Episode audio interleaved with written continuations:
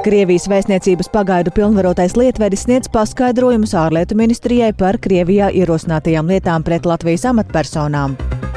Valdības lēmumu, kas ļauj cirst jaunākus kokus, pēc vidas organizācija rosinājuma sāk skatīt satversmes tiesa. Nu, tur ir pārkāpts ne tikai satversmes 115. pāns, kas nosaka mūsu visu iedzīvotāju tiesības dzīvot labvēlīgā vidē, un arī valsts pienākumu rūpēties par eh, vidas ilgtspēju, bet arī tātad līdzdalības princips.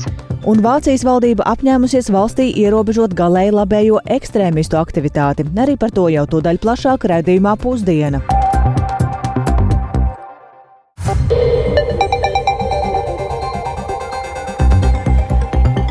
12,5 minūtes, un tas ir ziņu raidījuma pusdiena laiks, kurā plašāk skaidrosim šīs dienas 14. februāra būtiskos notikumus. Studijā Dāca Pēkšēna.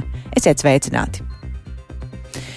Uz ārlietu ministriju šodien bija izsaukts Krievijas vēstniecības pilnvarotais pagaidu lietvedis, kuram izteikts nosodījums par Latvijas esošo un bijušo amatpersonu izsludināšanu starptautiskajā meklēšanā bet šobrīd plānojot doties ārpus Eiropas Savienības un NATO valstīm rūpīgi būtu jāizvērtē riski ne tikai šiem cilvēkiem, bet arī plašākai sabiedrībai. Un par to visu vairāk lūkšu izstāstīt Jānim Kīncim, kurš pievienojas tiešraidē. Sveiks, Jāni! Jā, sveicināti! Šorīt ārlietu ministriju apmeklēja Krievijas vēstniecības pagaidu pilnvarotais lietvedis Oļegs Zikovs. Viņam prasīti paskaidrojumi par tīmekļa izdevumu Media Zone otrdien publiskoto sarakstu arī ar Latvijas bijušajām nesošajām amatpersonām, Latvijas valsts piedarīgajiem, pret kuriem Krievija ir ierosinājusi uh, lietas un izsludinājusi viņas startautiskajā meklēšanā. Ārlietu ministrijas pārstāvji ir nosodījuši šo Krievijas praksi attiecināt savu nacionālo jurisdikciju uz uh, Latvijas valsts piedarīgajiem. Tā uzskatāma par iejaukšanos Latvijas iekšējās lietās un ir arī dzen klajā pretrunā ar apvienoto nāciju organizācijas statūtiem, norāda ārlietu ministrija.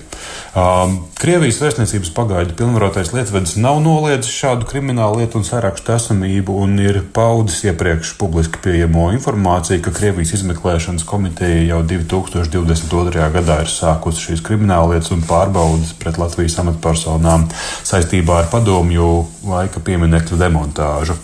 Ārlietu ministrija jāatgādina jau toreiz protestēja pret šo rīcību un arī zin, informēja dažādas institūcijas un amatpersonas būt īpaši uzmanīgām, plānojot doties ārpus Eiropas Savienības un NATO valstīm.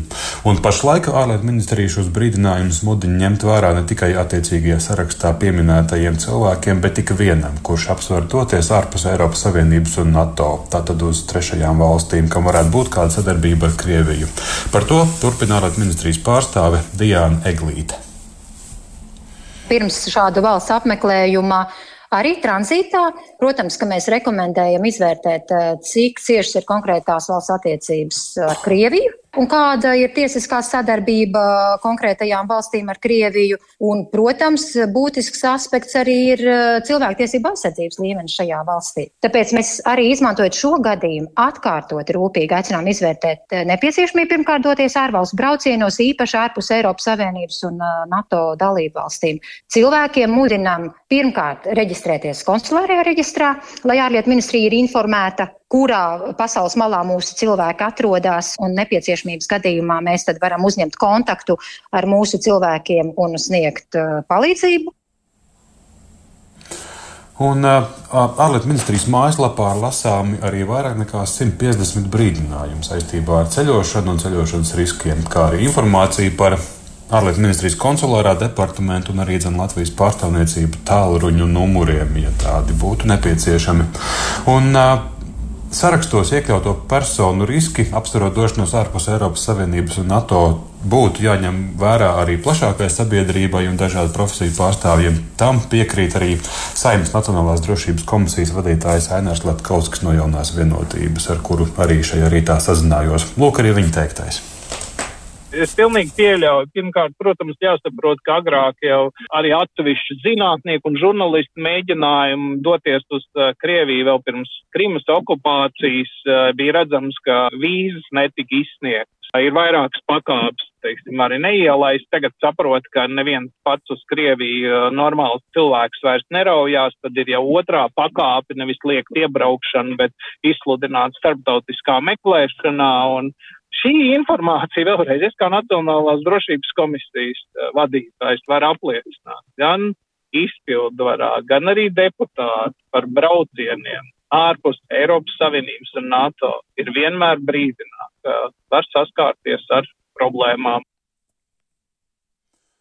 Un uh, Latvijas ieskatā tie politiķi, kuri ir skaidri pauduši savu atbalstu Ukrainai un iebilduši pret Krievijas izvērstu agresiju, nekādi nevarētu būt pārsteigti vai iebiedēti par parādīšanos šādos Krievijas veidotos sarakstos, tā skaitā arī izsludināšanas starptautiskā meklēšanā. Pēc deputātu domām šajā kontekstā būtu uzmanība jāpievērš arī tiem, kuri, tiem deputātiem, kuri lemjot par šķēršļu noņemšanu padomju laika pieminekļu nojaukšanai vai saistībā ar atbalstu Ukrainai, ir izvēlējušies balsot balsot pret, atturēties vai nebalsot. Tā uzskata Saimnes Nacionālās drošības komisijas vadītājs Ainārs Latkovskis. Dace. Paldies Jānim Kincim. Jāteic, ka šeit droši vien būtu interesanti arī dzirdēt vēl kāda eksperta vērtējumu, un to tad uh, iespējams tev izdosies sameklēt, uh, un mēs dzirdēsim raidījumā pēcpusdienu. Bet pirmo reizi satversmes tiesā ir nonācis jautājums par mežu apsaimniekošanu un tās ilgtspēju. Satversmes tiesa šodien sāk vērtēt valdības lēmumu, ar kuru ļauts cirst jaunākus kokus. Lieta ierosināta pēc pērn pēc Latvijas dabas fonda un Pasaules dabas fonda un arī Latvijas ornitoloģijas biedrības pieteikuma. Vīdes organizācija ieskatā pieļaujot tievāku un tātad arī jaunāku koku ciršanu nav izvērtēta ietekme uz bioloģisko daudzveidību. Tiesas sēdē, kurā uzklausa gan vīdes organizācija, gan arī meža nozars un valdības pārstāvis seko līdzi Sinti Ambote. Šobrīd viņi pievienojas tiešraidē. Sveiki, Sintī! Vispirms atgādini pašu strīdīgo grozījumu būtību un par ko ir tieši vides organizācija prasība tiesā. Tad iepriekšējā valdība 2022. gada vasarā pieņēma lēmumu atļaut cirst jaunākus kokus, um, samazināts pieļaujamais koku ciršanas diametrs spriedē no 39 līdz 30 cm, eglē no 31 līdz 26 cm, bērzam no 31 līdz 25 cm.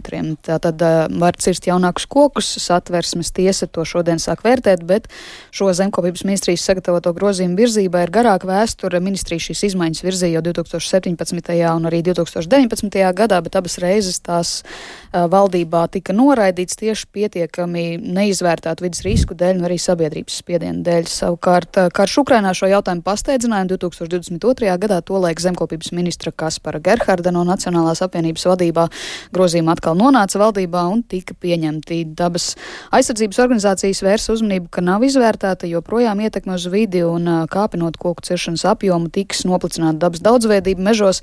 Savukārt valdība lēma pamatot pamatoja ar enerģētikas krīzi un vajadzību palielināt tieši šķeldas ieguvi. Pret lēmumu tolaik arī vidas aktīvistu pikets noritēja pie ministru kabineta un pēcāk dabas organizācijas vērsās ar prasību satversmes tiesā un par šiem noteikumiem tika ierosināta tad lieta pret valsti. Varam paklausīties arī lietas pieteicēja galvenos iebildumus no Latvijas dabas fonda pārstāvis Baibas Baltvilkas.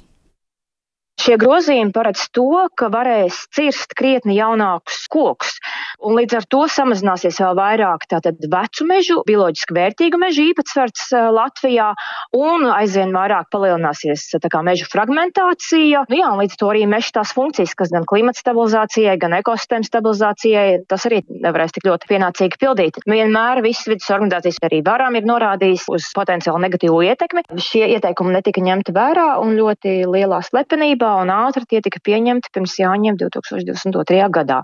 Nu, tur ir pārkāpts ne tikai satversmes 115. pāns, kas nosaka mūsu visu iedzīvotāju tiesības dzīvot labvēlīgā vidē, un arī valsts pienākumu rūpēties par eh, vidas ilgtspēju, bet arī tātad līdzdalības princips, Šobrīd grozījumi tātad ir spēkā un dabas organizācijas uzskata, ka tie ir jāatceļ, tikmēr esošais zemkopības ministrs Armāns Krauze no Zaļo un Zemnieku savienības eh, komentējot Gerharda laikā pieņemtos grozījumus, man atzina, ka neredz iemeslu to atcelšanai. Varam klausīties. Tātad, pirmkārt, no ekonomiskā viedokļa tie grozījumi bija nepieciešami, bet satversmes tiesas spriedumus ar lielu interesi gaidu. Nu, mēs runājam par saimnieciskiem mežiem, un šo saimniecisko mežu stādīšanas mērķis jebkurām privātām valsts mežiem vai kompānijām, juridiskai personai ir, tad mežs uzaug gūst peļņu un nozēdzīt. Tajā brīdī, kad mēs ieguldām naudu un apstādām izcirtumu, mūsu mērķis nav šos kokus atdot dabai. Skaidrs, ka, protams, ātrāk šos kokus nocērtot, viņi ir, teikt, labāks lietas koks, nevis ar izkopējušiem vidiem vai, nu, šī kukaiņa sagrauzošu koku aizgājas bojā. Bet, saka, Sintī, toreiz kāds bija tas pamatojums šiem grozījumiem? Bez ministra komentāra es patiešām lūdzu arī pašai ministrijai, tās ierēģiem, lai vairāk iezīmē viņu pirms pusotra gada izstrādātos grozījumus, tieši argumentus un aprēķinus, bet ministrija pirms tiesas komentāru atteicās sniegt. Bet nu, tātad ministrijas izstrādāto grozījumu anotācijā tolaik lasāms, ka ministrija konstatējas, ka nepieciešams mainīt galvenās cirtas caurmēra skaitliskās vērtības, lai nodrošinātu zemes resursu efektīvāku izmantošanu, veicinātu mežaudžu ražību, kā arī palielinātu meža kapitāla vērtību, ikgadējo tīro ienākumu gūšanas potenciālu meža nozarē un meža nozares konkurētspēju. Tāpat šajā anotācijā ministrija atsaucas uz Latvijas lauksaimniecības universitātes izpētīto, ka mainot galvenās cirtas caurmēru meža kapitāla vērtību iespējams palielināt par 440 miljoniem eiro, ja notiek arī mērtiecīga meža atjaunošana. Šādas izmaiņas ikgadējo tīro ienākumu gūšanas potenciālu var palielināt par 12 miljoniem eiro. Tā tur rakstīts Nu jā, tad, tad satversmes tiesa šobrīd uh, rit, uh, šī ir pirmā sēde, pagaidām savus argumentus izklāsta lietas pieteicēja vidas organizācijas un pēcāka lēmumu skaidros arī valdības pārstāvi. Taču lietas izskatīšana vēl turpināsies arī februārī un martā, bet uh, lēmums gaidāms aprīļa sākumā, un šai sēdē ik viens var sekot arī satversmes tiesas mājaslapā tieši saistē. Paldies Sintējai Ambotei par šo skaidrojumu. Tātad um, satversmes tiesas lēmums ir gaidāms aprīļa sākumā. Tikmēr pedagogi vēlas panākt to, lai valdībai būtu jārēķinās ar sekām, ja netiek pildīta streika vienošanās. Proti, izglītības un zinātnes darbinieku arotbiedrība rosina veikt izmaiņas ministru kabineta iekārtas likumām, paredzot, ka streika vienošanās neizpilde nozīmētu valdības atkāpšanos. Šāda iniciatīva šodien tiek skatīta Sēmas sociālo un darba lietu komisijā. Diskusijas ir uzklausījusi Agnija Lazdiņa Saki. Agnija, kā sēde pagāja un pie kādiem tad secinājumiem nonāca, vai no deputātiem bija atbalsts eh, šai iecerēji? Parakstu vākšana šai iniciatīvai sākta izglītības darbinieku streika pirmajā dienā, kas bija pērn 24. aprīlī, un vajadzīgo parakstu skaits savākts vien dažās dienās. Un saima jau ir skatījusi šo iniciatīvu pērn, kad tika pausts, ka šāda, šādā situācijā valdības atkāpšanās ir nesamērīgs risinājums, tomēr jau toreiz atbildīgā komisija iniciatīvu sniedz uz tālāku izskatīšanu jau attiecīgi citai atbildīgajai komisijai. Un Latvijas izglītības un zinātnes darbinieku arotbiedrība uzskata, ka situācija, par kuru runāts iniciatīvā, bija izveidojusies ar pedagoģu prasībām, proti tika izvirzītas streika prasības, izveidot izlikšanas komisija, panākti kompromisi un ministru kabinets vienbalsīgi apstiprināja protokolu lēmumu par streika vienošanos, taču kāda no iepriekšējām pēdējām valdībām visas streika vienošanās nesot izpildījusi. Un arotbiedrības ieskatā būtu jāveic grozījumi saimas kārtības rullī, kas noteiktu kārtību, kādā saima izvērtē streika vienošanos vienošanās izpildi vai neizpildi, un amata zaudēšanai esot jābūt noteiktai ministru kabineta iekārtas likumā, ka obligātai nevis iespējamai, kad saima būtu izvērtējusi streika vienošanās izpildi vai attiecīgi neizpildi. Un paklausīsimies izglītības un zinātnes darbinieku arotbiedrības vadītājas Ingas Vanagas teikto. Mēs ļoti labi zinām, ka var ieslēgt uh, instrumentu, ka opozīcija prasīs tik demisiju ar pamatojumu, bet koalīcija tā stabilitātes vārdā piedodiet norīs to krupi, un tas ministrs kā sēdēja savā amatā, tā sēdēs valdības stabilitātes dēļ. Dzīvē tas tā nedarbojas. Un tāpēc mēs lūdzam, ja ir nacionāla līmeņa streiks, kurā piedalās vairāki desmiti tūkstoši, un ja ir paspiesta roka un ir fiksēts juridiski, un ja to nepilda, tad kādam ir jāuzņemās atbildība. Vai tas ir nozares ministrs, vai tā ir valdība kopumā, mēs esam gatavi par to diskutēt. Un sakiet, lūdzu, cienījamie deputāti, kādu mēs vēstījumu iedodam tiem 20 tūkstošiem, kas piecēlās un izgāja ielās. Jāatzīmē, ka arotbiedrība uzsver, ka šī iniciatīva neatiektos uz konkrēto kolektīvo strīdu, kad uh, arotbiedrība pieteica streiku, bet gan tā nākotnē attiektos uz visām nozarēm, kas nonāktu šādā situācijā. Un, uh, lai gan arotbiedrība pārmet, ka streika prasības nav izpildītas noteiktajos termiņos, izglītības un zinātnes ministrijas tā laika pārstāvi pauduši nostāju, ka bi ir bijušas izpildītas visas prasības. Un arī šobrīd um, ir visai līdzīgi, proti sēdē gan atbildīgās ministrijas, gan arī valsts kanceleja ir izteikusi to, ka neredz nepieciešamību pēc regulējuma, kas paredzētu ministra kabineta atkāpšanos streika vienošanās neizpildes gadījumā, jo kolektīvo strīdu esot iespējams risināt jau ar esošo likumdošanu. Un uh, tiesa šī brīža mehānisms, kā var turpināt streiku, esot samērīgs, bet varētu strādāt pie streika sarunu protokolu un informācijas apmaiņas kvalitātes uzlabošanas. Un arī Izglītības un zinātnes ministrijas parlamentārā sekretāra Silvija Reinberga norāda, ka streika prasības, ko arotbiedrība pieprasījusi, esot izpildītas, un vienīgais līdz šim strīdīgāk vērtētais vai diskusiju raisošais punkts par pedagoģu slodžu sabalansēšanu tiekot pildīts un nekādu diskusiju nesot. Vienlaikus tam, kam es absolūti varu piekrist, mums būtu jādomā par to, kā mēs potenciāli varētu uzlabot sarunu procesu. Mēs piekrītam, ka būtu jādomā par kopumā kādu mehānismu, kā nodrošināt izpildus kontroli, jo no mūsu arī vēsturiskās pieredzes ir bijušas situācijas, kad mēs savstarpēji nesam varējuši vienoties par to, punkts ir izpildīts vai nav, interpretācijas ir atšķīrušās, un tādā gadījumā ir bijušas diskusijas par to, ka varbūt ir nepieciešams vērsties tiesā, nav vērsties tiesā, bet sarunu un dialogu ceļā mums līdz šim ir izdevies mēs nonākam pie tā, ka mēs uz lietām raugamies vienādi. Un arī par tiesībām jau šobrīd saimē ir tiesības kontrolēt ministru kabinetu, kam daudz ir devusi savu uzticību. Savā ziņā var piekrist arī no nozares pārstāvju jau paustā. Tomēr mūsuprāt šobrīd kāds papildu regulējums nebūtu nepieciešams.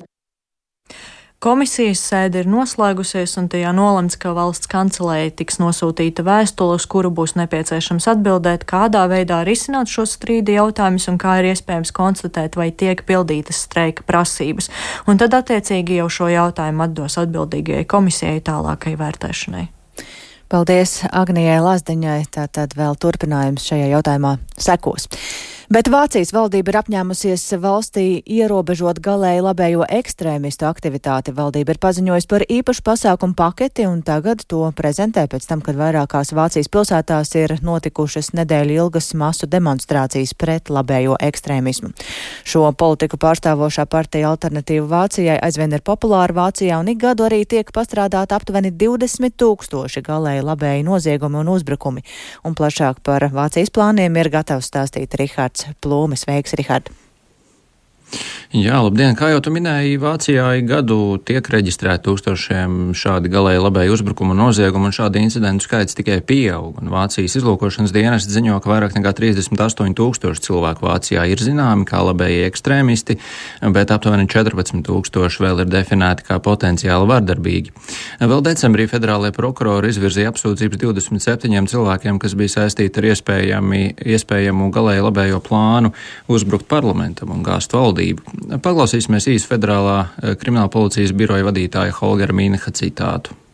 Politiski motivierte kriminalitāte, tas ir ja mein Thema, hat in Deutschland. Politiski motivēta noziedzība Vācijā pēdējos gados ir ievērojami pieaugusi. Desmit gadu laikā tā ir vairāk nekā dubultojusies. Nu, Vācijā vairāk kārt un vairākās pilsētās arī notikuši plaši protesti pret galēji labējo ekstrēmismu, ko atbalsta gan kanclers, gan prezidents. Šajos protestos ielā izgāja, ielās izgāja vairāki simti tūkstoši cilvēku, kas galvenokārt iebilst pret labējo eiroskeptiķu partiju alternatīvu Vācijai, eh, kuras pret imigrāciju vērstā politika pēdējo mēnešu laikā ir vairojusi panākums arī vēlēšanās. Un partija Vācijā turpina būt populāra, lai gan šo protestu dēļ atbalsts eh, tai ir nedaudz sarucis. Eh, paklausīsimies, ko saka viena no protestētājiem protestētājām. Ich denke einfach daran, was passiert ist und dass das nie wieder passieren darf, dass Nazis das Recht. Es vienkārši domāju par to, kas ir noticis un par to, ka tas nedrīkst vairs nekad atkārtoties, ka nacisti, labējie un fašisti nokļūst pie varas jebkādā formā, un mēs jau esam uz ļoti slikta ceļa. Es ļoti priecājos, ka ielās ir tik daudz cilvēku, kas parāda, ka ir arī cits ceļš. Jā, nu iekšlietu ministra Nancija Fēzere tagad ir prezentējusi dažādu pasākumu paketi, kuras mērķis ir cīnīties pret labējo ekstrēmismu valstī. Paklausīsimies, ko ministri ar šo plānu vēlas panākt. Wir wollen diese rechtsextremistischen Netzwerke zerschlagen. Mēs vēlamies sagraut šos labējo ekstrēmistu tīklus. Mēs gribam viņiem atņemt ienākumus, gribam atņemt ieročus. Rezumējot, mēs vēlamies izmantot visus tiesiskuma instrumentus, lai aizsargātu mūsu demokrātiju. Um Ja, nu, ministrs skaidroja, ka Vācijas vietējā izlūkdienas spēja izmeklēt galēji labējo ekstrēmismu finansēšanas tīklus jau ir nostiprināta, taču valsts saskaras ar juridiskiem ierobežojumiem, tādēļ ir nepieciešams izmaiņas likumā, lai varas iestādes varētu rīkoties plašāk. Un ministri piedāvā, piedāvā 13 punktu plānu un tajā iekļaut pasākumi, kas, piemēram, atvieglo banku kontu iesaldēšanu, ierobežo ekstrēmistu finansēšanas modeļus, un, lai grautu ekstrēmistu tīklus, amatpersonas varēs vieglāk aizliegt labējo ekstrēmistu pasākumus un tiks noteikti arī ceļošanas ierobežojumi ierobežojumi. Tāpat tiks izveidoti stingrāki ieroču likumi un būs vieglāk atlaist valsts darbiniekus, kas atzīti par vainīgiem ekstrēmismā. Tālūk. Paldies Rihardam Plūmem. Un Atgriežamies Latvijā, kur joprojām ir daudz robu zināšanās par reproduktīvo veselību. Turklāt situācija neuzlabojas, un tas ir jautājums, kas šodien ir nonācis līdz apspriešanai saimā. Par to diskutē deputāti ar dažādām organizācijām, un lai gan ir vienprātība par to, ka būtiska loma ir tieši izglītošanai šajā jomā, skaidrības par to, kad un vai piemēram, ievies, ieviesīs veselības mācību, joprojām nav. Un šim tematam šodien sekojas līdzi Paula Devica. Sveika, Paula! Kāda tad ir tīri situācija, ja runājam par jaunākiem datiem sabiedrības izpratnē seksuālās un reproduktīvās veselības ziņām? Jā, sveika, Dāce. Tātad dati, diemžēl, īsti neuzlabojas, lai arī liekas, ka pēdējos gados par šo tēmu arvien biežāk un plašāk jau runājam, bet tomēr, kā redzam, ar runāšanu vien nepietiek. Un iezīmēšu dažus tādus datus, kas parāda jau sekas. Piemēram, 2022. gadā meitenēm vecumā 15 līdz 17 gadiem tika veikti 31 aborts, un vairāk bija arī jaunākām. Tāpat mēs esam otrajā vietā Eiropas Savienībā pēc HIV transmisiju skaita jau ilgstoši, un diemžēl arī pieaugoša tendence ir datiem par bērniem, kas cietuši no seksuālas vārdarbības. Un šīs jau ir tāds konkrēts tātad sekas tam, ka ilgstoši šajā jomā nekas nav darīts. Savukārt centrs Dārdeģis šodien publiskoja aptauju datus par bērnu seksuālo uzvedību savās starpā, kas jau bieži vien ātrāk signalizē, ka cilvēka uzvedība tā tad var būt riskanta. Un paklausīsimies centra darbības pārstāvi Andu Avenu seksuāla rakstura komentāri vai darbības ir klātesoši bērnu dzīvē. Lielākā vairumā gadījumu tomēr skolā. Biežāk varbūt tā nozīme netiek saprasta un tikai vēlāk tiek novērtēta, bet arī piespiedu rakstura darbības ir novērtētas. Un 26% pēc tam arī jutās slikti. Un pavisam neliela daļa tātad stāstīja saviem tuvākiem cilvēkiem, un neliela daļa saņēma kaut kādu veidu atbalstu. Jā, tā tad arī bērniem ir šī seksuālā uzvedība. Protams, tā var būt arī atbilstoša vecuma posmam un arī neatbilstoša. Un, uh, Arī da, šeit dati aptaujā liecināja arī, ka speciālistiem zināšanu trūkst. Vēl es pieminēšu Rīgas Stradiņu universitātes pētījuma rezultāts, kas parāda, ka Latvijā pieaugušo vidū otrā populārākā izsargāšanās metode joprojām ir pārtrauktais dzimumakts, kas, kā zināms, veiksmes gadījumā var pasargāt vien no grūtniecības, bet vienlaiks ir zaļā gaisma seksu, seksuāli transmisīvo slimību pārnēsāšanai. Un šī ir tikai daļa no datiem, taču pazīmes, ka sabiedrībai ir kritiski nepieciešama šāda veida veida izglītība ir ļoti daudz. Ir, protams, kas argumentē, ka šis tas izglītības programmā ir iekļauts, bet, nu, kā mēs redzam, ar to nepietiek. Dace? Jā, nu dati tā tad mūs neiepriecina, bet vai sanākušajiem izdevās nonākt pie kāda risinājuma šajā ziņā? Pašlaik Izglītības un zinātnes ministrijā izveidotā darba grupā strādā pie praktiskiem soļiem, kā šo ieviest izglītības sistēmā, taču ministrijā uzskaitot šos te praktiskos soļus radās sajūta, ka vēl vesela paudze var paspēt izjaukt, izaugt un iespējams nekas vēl nebūs mainījies. Taču eksperti mudināja politikas veidotājus nemēģināt tā teikt izgudrot jaunu divriteni, bet ņemt jau esošas programmas, kas strādā citās valstīs. Un paklausīsimies Rīgas Stradiņu universitātes pētniece Andu Ķīvīti Urtāni. Piekrītu, bet es domāju, ka nav jāpiesaista un jāizstrādā, ir jāadaptē. Jo pasaulē ir līdzīgi kā Kīvas gadījumā, un Kīva ir entajās valstīs ieviest, mēs viņu adaptējām Latvijai. Un uh, līdzīgi veselības ministrijā bija Unplugged programma, kas ir arī ar interaktīvām uh, lietām, kas ir atkarība profilaksē. Viņas jau ir tikai lēmums, ka mēs to ieviešam valsts līmenī un tam sekojoši finansēt. Tas ir tas, kas ir vajadzīgs. Mums nevajag jaunu. Jā, tātad um, arī atbildīgās ministrijas šodien apstiprināja, ka beidzot šis ir jāpaveic, taču cik ilgu laiku tas prasīs, to pašlaik prognozēt ir sarežģīti. Izglītības ministrija vēl plāno monitoringa darbu um, pusauģiem, lai noteikti, kas tieši tā tad ir nepieciešams. Tāds darbs varētu notikt nākamajā mācību gadā, ja izdosies saņemt nepieciešamo finansējumu. Un, protams, paralēli tātad risinājums meklē šī izglītības ministrijas izveidotā darba grupa, tā kā sekosim līdzi līdzi, vai šoreiz izdosies arī praktiski ko ieviest. Dace? Paldies, Paulai Devicai. Tātad tiek meklēta risinājumi, kā uzlabot iedzīvotāju zināšanas par seksuālo un reproduktīvo veselību. Un ar to tad arī izskan redzījums pūsdiena. To producēja Lauris Zvēnieks, ierakstus montēja Renārs Šteimanis par labskaņu rūpējās Mārtiņš Paiglis un ar jums sarunājās Dāce Pēkšēna. Atgādināšu to, ka redzījumu pūsdiena var meklēt arī Latvijas radio mobilajā lietotnē. Tur jāsmeklē dienas ziņas, bet ēterā mēs tiekamies atkal rīt. Yeah.